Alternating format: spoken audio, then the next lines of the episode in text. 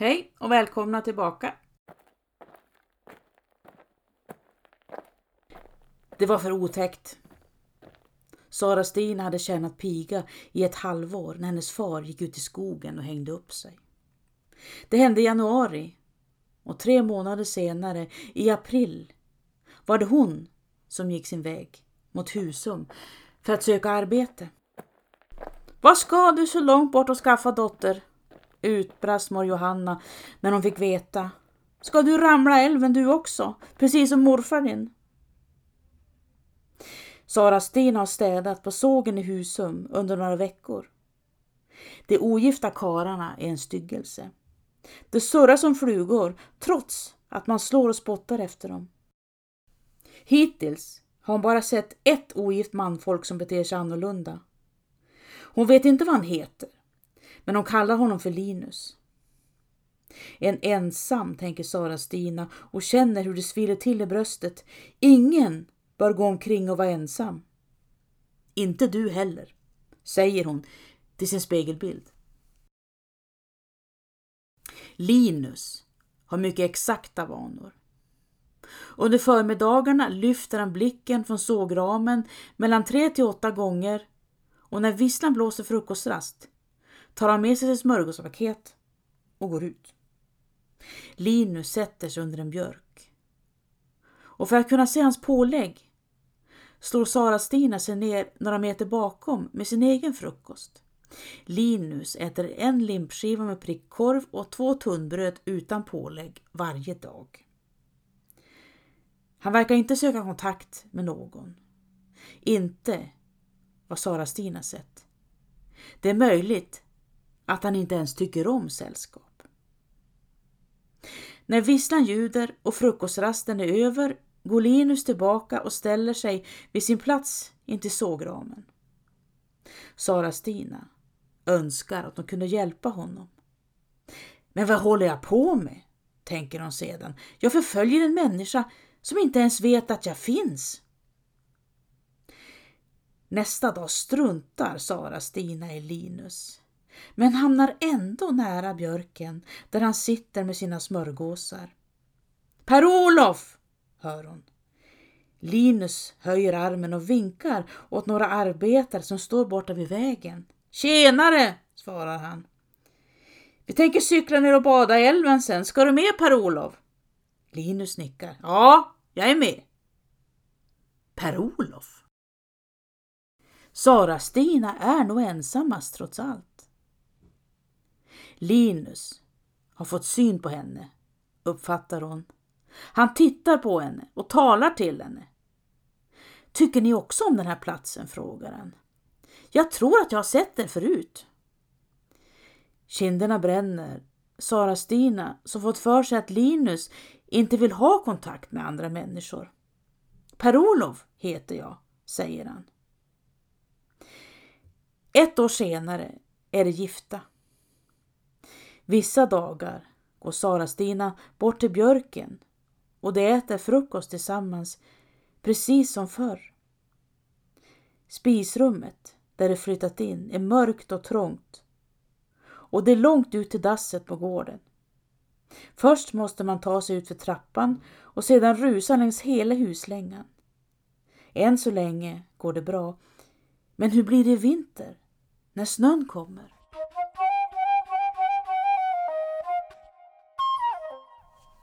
Samhället är under ständig förändring. Arbetsmarknaden breddas och allt fler flyttar in till städerna för att ta del av de nya arbetstillfällena inom industrin som expanderar på bred front. Längs Norrlandskusten blåser sågverk efter sågverk igång produktionen och mot senare delen av 1800-talet finns 23 sågverk bara i närheten av Sundsvall.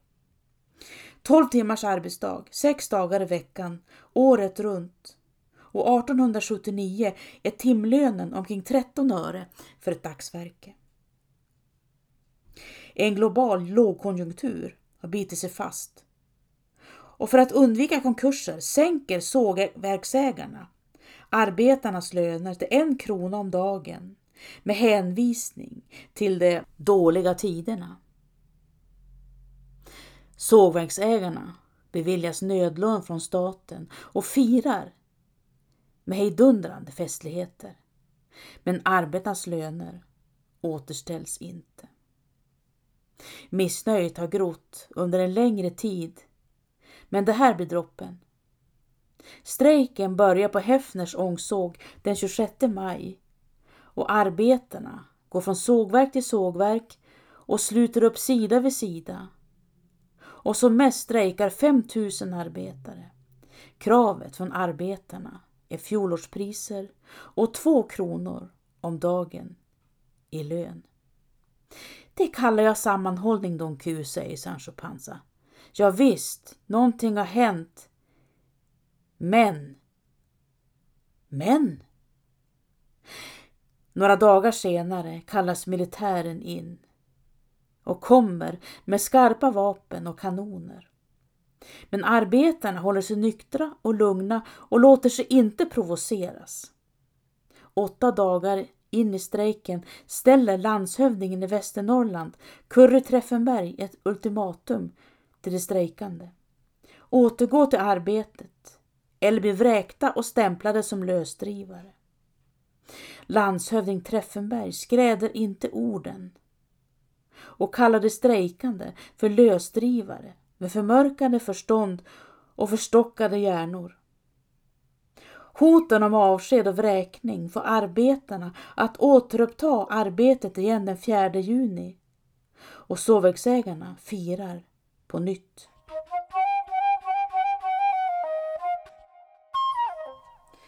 Kort därefter börjar förhören med de strejkande. Jo veckotidning skriver den 6 juni.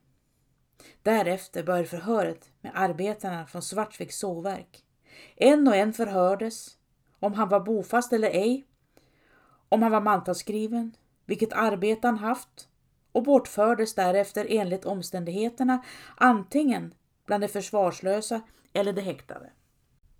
En soldatvakt omgav varje kategori. Tio av Svartviks arbetare häktades. Omkring 165 förklarades som försvarslösa. Trots löften om motsatsen blev många arbetare vräkta och stämplade som lösdrivare och får order om att genast packa ihop och ge sig av. Vissa blir till och med svartlistade och tvingas resa långt bort för att få nytt arbete. Strejken ger ändå vissa förbättringar.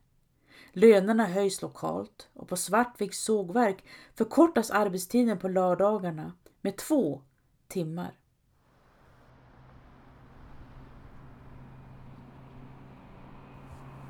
Varje gång Don Quijote och Sancho Panza passerar Svartviks herrgård ute på E4 skriker Don Quijote Stanna! Titta! Svartvik! För sent! svarar Sancho Panza och bränner vidare med bilen. En enda gång klev de av och åt lunch inne på herrgården.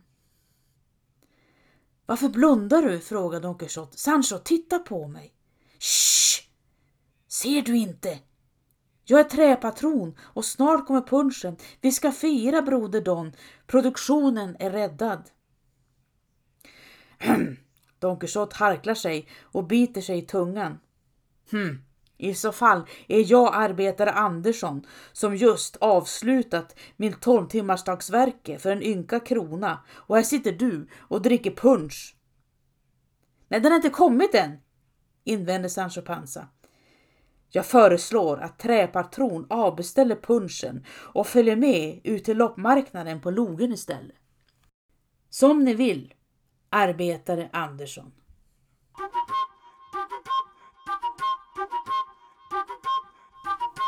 Sex år efter storstrejken bildar sågverksarbetarna i Sundsvall fackförening med målsättning och krav på fullständig religionsfrihet, lika rösträtt i politiska val, upphävande av tjänstehjonsstadgan och en arbetstid på tio timmar om dagen. En av de större sågverksorterna i Norrland är Holmsund, strax utanför Umeå. Här dröjde det länge innan arbetarna organiserade sig. Både väckelsen och nykterhetsrörelsen var större än arbetarrörelsen och flera nykterhetsloger tog till sig medlemmar genom att arrangera fester och utflykter. Stuveriarbetarna var först med att bilda fackförening. De var eftertraktade på arbetsmarknaden och vågade organisera sig utan att riskera avsked. Sovjetsledningen hade annars varit mycket tydlig på den punkten.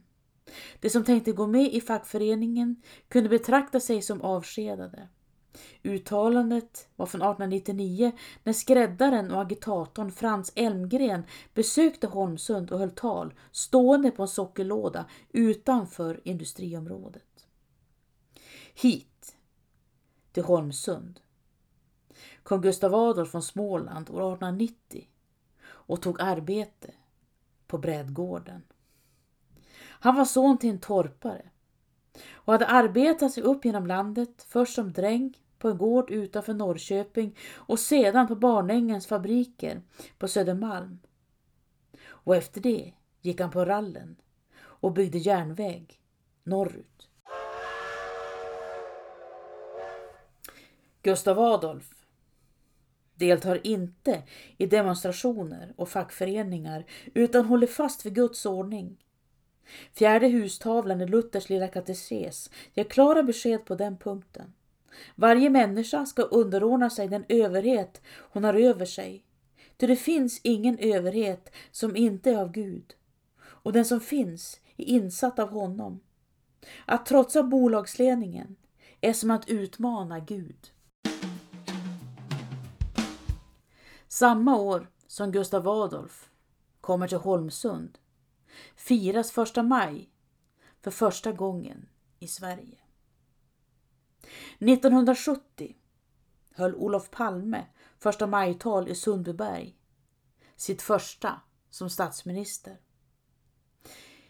Idag för 80 år sedan ägde den första majdemonstrationen rum i Sverige. I tiotusental samlades arbetarna och tågade upp till Gärdet. Där talade August Palm, där talade Hjalmar Branting, där talade Hinke Berggren och många andra. Vid gardesregementena och artilleriet låg manskapet färdig för snabb utryckning. Polisen hade inkallat till förstärkning, till man fruktade gatans parlament. Den borgerliga pressen spred rykter om busfasoner, våldshandlingar och brist på ordning. Dessa farhågor besannades inte. Men man gjorde två konstateranden. Endast ett litet fåtal av de som vandrade i tåget hade rösträtt. De flesta av dessa allvarliga och sansade män stängdes ute från att i demokratisk ordning påverka det samhälle där de levde och gav sin arbetskraft. Rösträtten är inkomstbaserad och för män. Ju högre inkomst, desto fler röstsedlar att använda. Socialdemokrater och liberaler driver frågan om allmän rösträtt och 1909 får samtliga myndiga män lika och allmän rösträtt oavsett inkomst. Ja, det som gjort militärtjänst och det som betalar skatt. Andra, som suttit i fängelse eller varit i kontakt med fattigvården, lämnas utanför. Det kan väl inte kallas för lika och allmän rösträtt, Don, eller hur? Har jag missuppfattat någonting? utbrister Sancho Panza. Nej, du har så rätt. Det är skamligt att kalla det för allmän rösträtt. Fy, så mycket sorg det finns, utbrister Sancho Panza.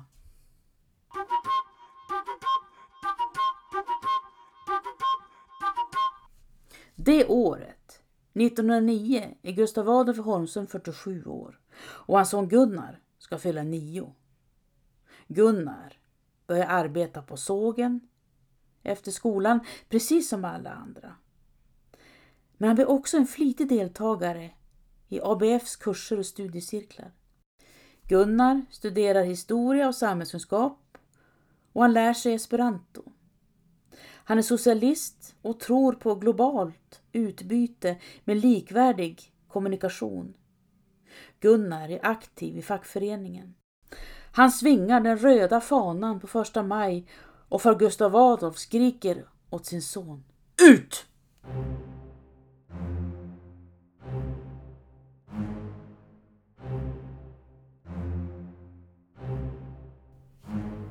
En hel generation unga människor lider av tuberkulos eller lungsot.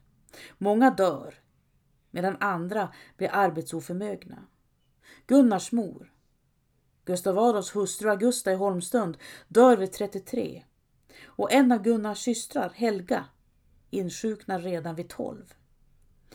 Tuberkulos är en oberäknelig sjukdom som inte nödvändigtvis behöver bli särskilt svår utan den som lever gott kan leva med sjukdomen under många årtionden. Det är vår tids största utmaning, är läkarkåren överens om. Att övertyga människor om att lungsot är en smittsam sjukdom med betoning på sjukdom. Råden till allmänheten är enkla. Tvätta händerna, städa och vädra rummen, ta genast bort kroppsvätskor från en lungsjuk, dela inte glas och bestick med en lungsjuk och för Guds skull, använd spottkopp och spotta inte överallt. Speciella sjukhus för lungsjuka, sanatorier byggs runt om i landet och behandlingen baserar sig på vila, stärkande kost och frisk luft. Författaren Stina Aronsson var gift med en sanatorieläkare och här i novellen den andra flickan skriver hon om två unga kvinnor som ligger i varsin säng i varsitt rum på sanatoriet.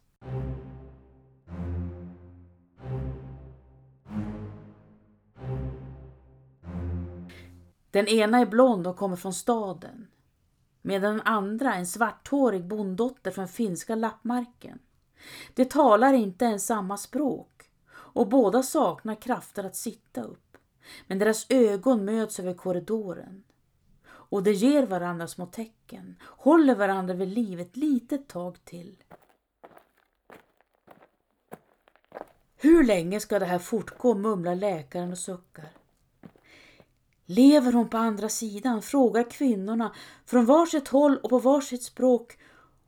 Och doktorn svarar försäkrande. Ja, hon lever. Titta själv. Och mot alla regler låter han dörrarna till rummen stå öppna så de kan se varandra över korridoren. Hon har legat där och gråtit i natt, sa flickan. Ja, men inte har hon kryare, svarar läkaren. Riktigt säkert.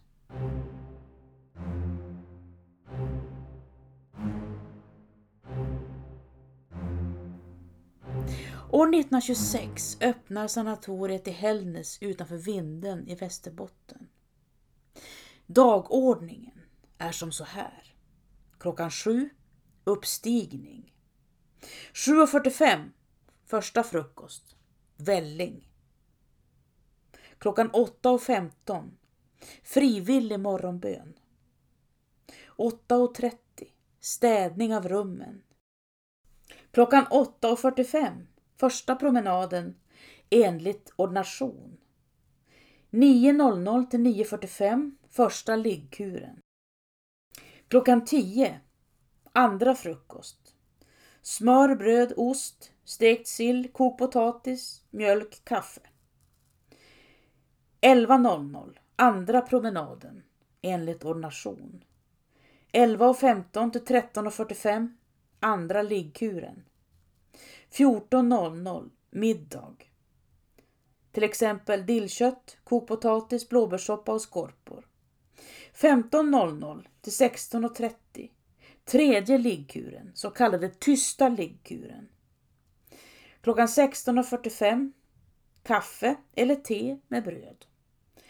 Klockan 17 tredje promenaden enligt ordination. 17.15 till 18.45 fjärde liggkuren enligt ordination. Klockan 19 aftonmåltid havregrynsgröt, smör, bröd och ansjovis. 19.30 fjärde promenaden enligt ordination. 20.00 till sängs, 21.00 tyst och släckt. Sanatorier byggdes på hög höjd och Hällnäs låg 273 meter över havet. Kvinnliga och manliga patienter hölls åtskilda, liksom friskare och sjukare. Hällnäs sanatorium hade ett eget vattentorn, en barnavdelning, skola, operationssal och glasmästeri. Hällnäs sanatorium hade ett café och till och med en egen tågstation som kallades Hoppets perrong.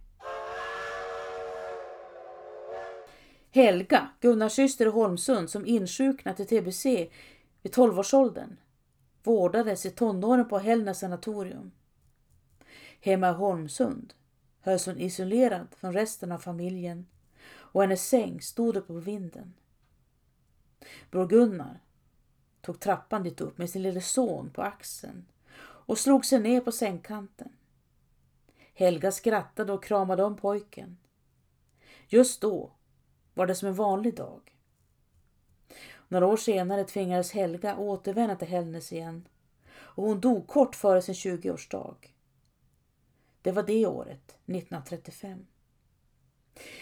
Då fanns inga behandlingsmetoder, inte som nu tack och lov, utbrister Sancho Panza.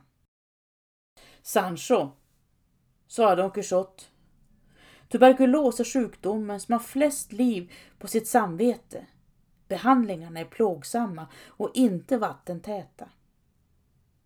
Men kan man verkligen påstå att sjukdomar har samvete, Don Q? Såklart inte, svarade Don Quixote. Var har du fått det ifrån?